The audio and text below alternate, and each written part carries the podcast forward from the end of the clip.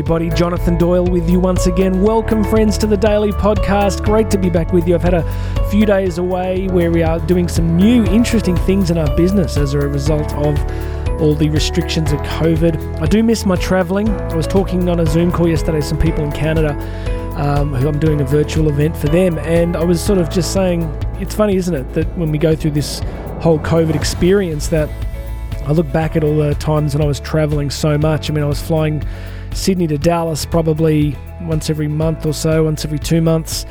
And when you're on those 16 and a half hour flights and you're in airports, you sort of think, how good would it be? You know, how good would it be if I could just be home for a while? If I could just be in my own house.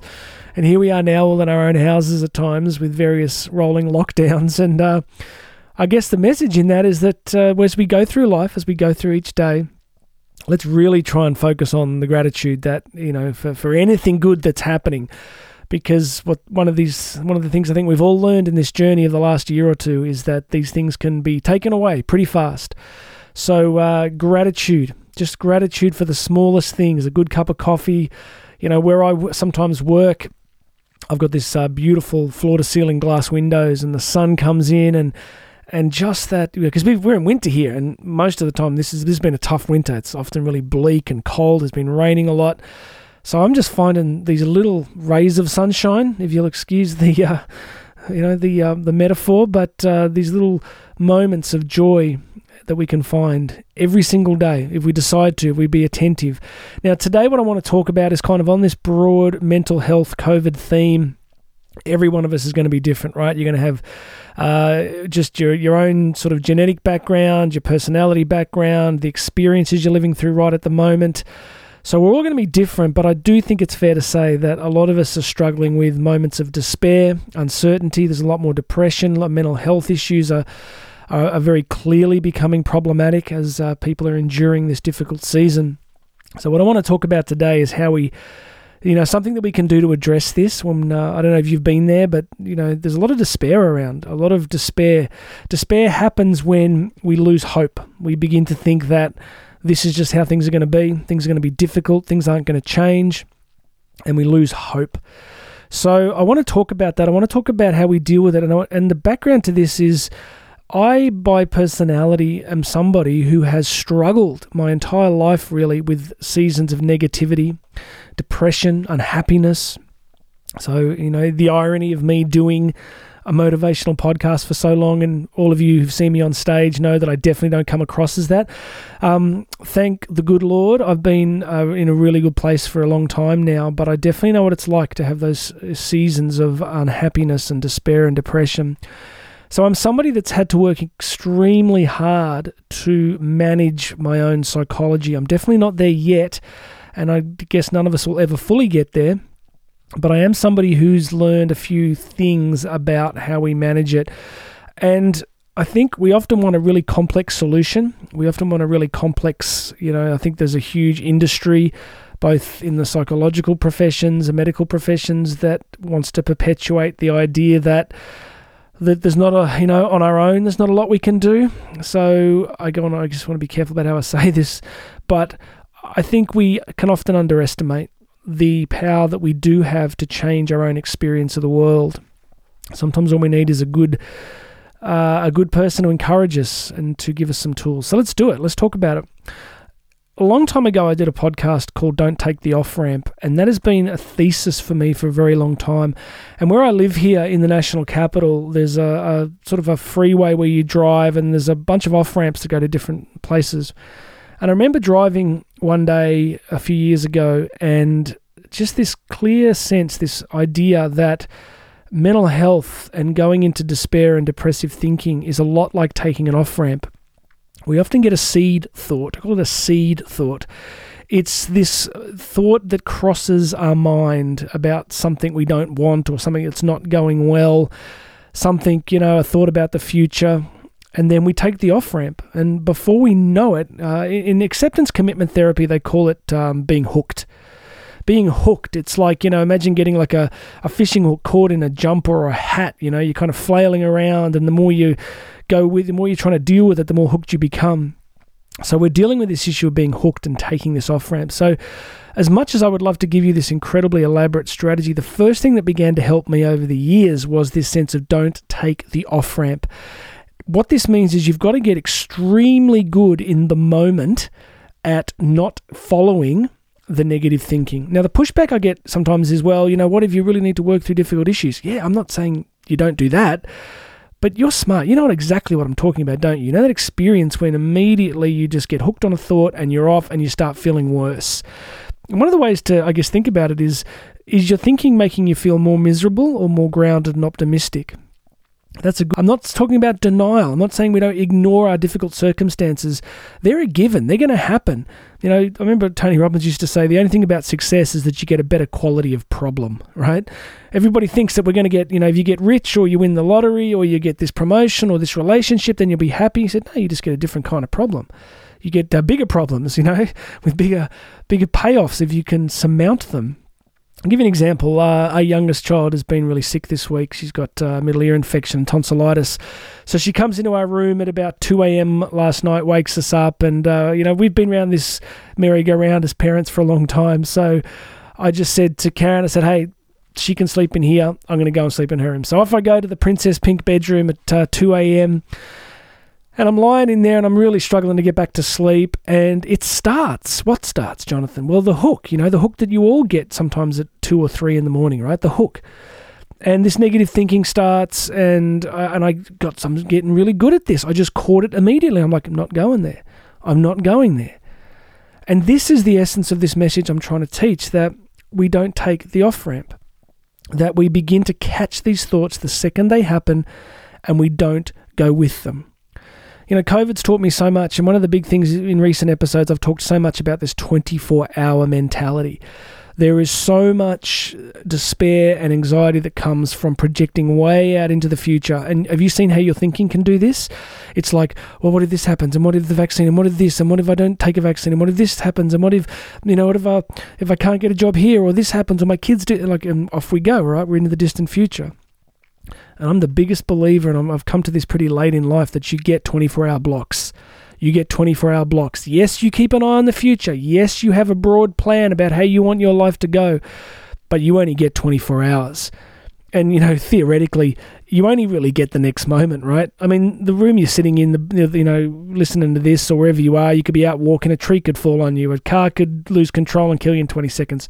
I've seen it happen. I remember years ago, I was riding my motorbike out to the beach one day and uh, the sun had just come up, and I remember there was this lady walking her dogs on the side of the road, and she was just off the side, and I saw this car. I was behind this car, and the car was driving along, and the sun obviously blinded them. And I watched this car just drift off to the left side of the road and hit this poor woman. And I was the first person there. It was a most traumatic experience. But it reinforced, you know, that you can just be going along, minding your own business, and your life can end. Anything could happen, right? Seriously. So that doesn't lead me to depression or anxiety. That just leads me to this grounded realization okay, I'm alive now. I'm going to try and bless people. I'm going to try and stay positive. I'm going to try and manage my thinking. I'm going to try and live this 24 hour block. And that's how I'm doing it, friends. And I got to tell you, since I've been living this way, it's had quite an effect. I, I, you know, I'm sure I have the odd day where I go a bit backwards, but this is what I got for you. I'd love to give you a 5,000 page thesis about all these different things, but we've got to get really good. Here it is, one more time mental toughness. Mental toughness. What is mental toughness? I think it's the ability to catch yourself in the act of negative, unproductive, unhelpful thinking and choose. This is the toughness part. Choose. You know how you have to choose to go to the gym? You have to choose to go for a walk or a run. You have to choose to eat properly. The toughness part comes from making ourselves do things that we don't actually like to do. I mean, it's easier for us really just to kind of just go along and and just you know go. I used to go down the path without thinking. It's comforting, isn't it? It's comforting because one of the things that we want as humans is we always want certainty. It's a deep psychological principle. Maslow went on it first, uh, but it's really been developed. It's the idea that humans don't do too well in uncertainty. So, if you really want to, you know, it's the learned helplessness experiments they used to do on rats, where they used to shock rats no matter what they did, and the rats eventually just got went into chronic depression. So, you know, what we want is certainty. We want to know that whatever's happening, there's some certainty. So that works both ways. You know, people can get into despair and depression, and what the, that gives them certainty. What certainty is it? The certainty that life is terrible, the certainty that they're never going to reach their goals, the certainty that they'll always be unhappy. So then, if we stay in that space, and then what used to happen for me, and I'm not speaking to anybody else now, is that you get sympathy, right? Because if, if your life's terrible and you can prove to everybody how terrible your life is, and you get sympathy and you get reinforcement. And that's why I think it's called mental toughness because it's much harder, it's much tougher to do the opposite. It's much tougher to not go after sympathy. It's much tougher to catch yourself in the very act of unproductive thinking and do the hard work of choosing a different direction.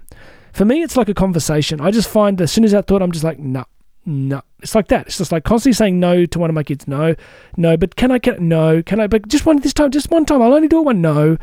It's just no. I'm not going there. It's like that old biblical story, right, of the Israelites coming out of Egypt. If you're not familiar with it, go and watch Prince of Egypt on Netflix.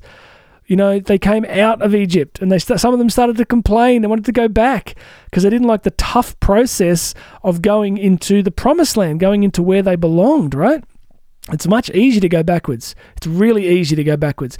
And it's always easy to go backwards when things are difficult. It's much harder, it's tougher to actually go forwards and to catch ourselves in the moment of unproductive thinking. So, give you a quote here from Vince Lombardi. Vince Lombardi was one of the most famous uh, American football coaches, uh, NFL coaches of, uh, I guess, in American history, really and uh, just seen as a great as the master motivator of people. And uh, here is his quote on mental toughness. He says, and I like how honest he is. He says, "Mental toughness is many things, and rather difficult to explain.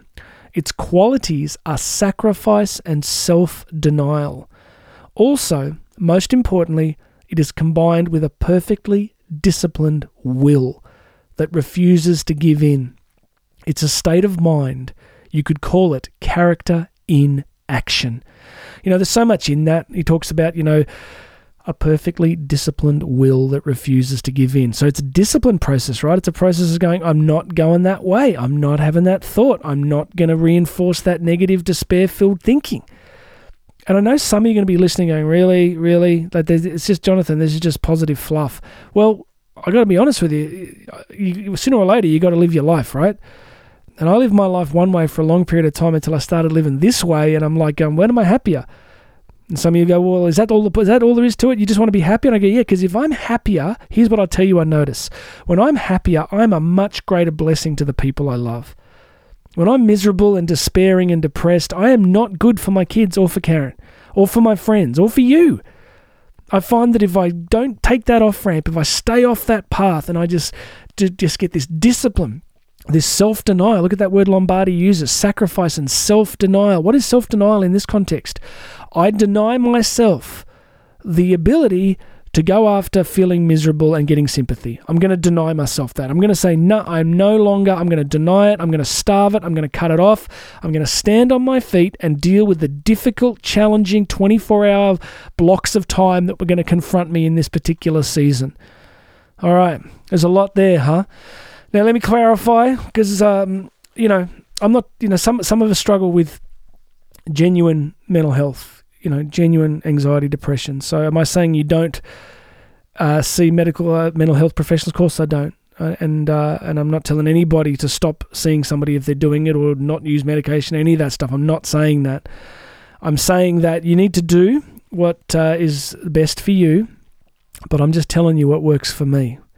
What works for me is fighting for myself, refusing to abandon myself. I think that's what I used to do for many years. I just, my thinking would go off in this rabbit hole of negativity and I would just abandon myself. See you, Jonathan. Good luck. We'll enjoy that trip into the dark forest of despair and uh, we'll catch you in a few months when you come back. I used to live that way.